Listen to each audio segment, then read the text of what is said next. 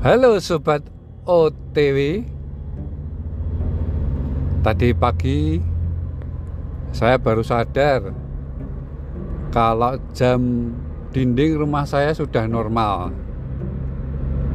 Biasanya sih kan kita cepetin seperempat jam. Ya, supaya kita lebih banyak waktu bersiap-siap. Eh, ternyata kemarin tuh ganti baterai jamnya sudah dipersiskan jam real. Ya alhasil agak kepontal-pontal saya. Karena biasanya kita bedain waktu 15 menit.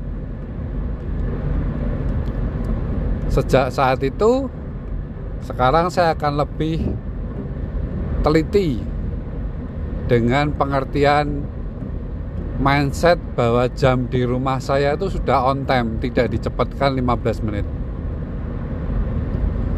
Perubahan mindset ini atau pola pikir akan menentukan tindakan kita. Ketika mindset saya dulu bahwa jam rumah di setting lebih cepat 15 menit, saya merasa punya waktu untuk leyeh-leyeh sebentar 15 menit lumayan begitu ya. Tapi sekarang saya tidak bisa melakukan. Karena jam di rumah saya sudah persis on time. Kita pun gitu ya dalam berjualan. Ketika zaman covid kita mungkin merasa aktif. Sementara yang lain kurang aktif karena takut Alhasil mungkin nilai kita bagus, hasil kita bagus karena kita aktif sementara yang lain tidak aktif. Tapi sekarang ini Covid sudah dilupakan. Makanya kalau kita masih memiliki aktivitas yang sama ketika zaman Covid, hasilnya mungkin tidak sebagus ketika zaman Covid. Kenapa? Karena kompetitor sudah aktif juga.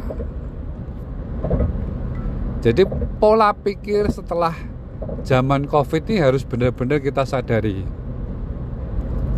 Aktivitas harus double atau triple daripada zaman Covid dulu. Karena ada kompetisi yang aktif juga. Sementara peluang di zaman setelah Covid ini sudah luar biasa sekali. Macet di mana-mana, mal-mal ramai, perekonomian berputar dengan lebih cepat. Karena itu, ayo rubah pola pikir kita.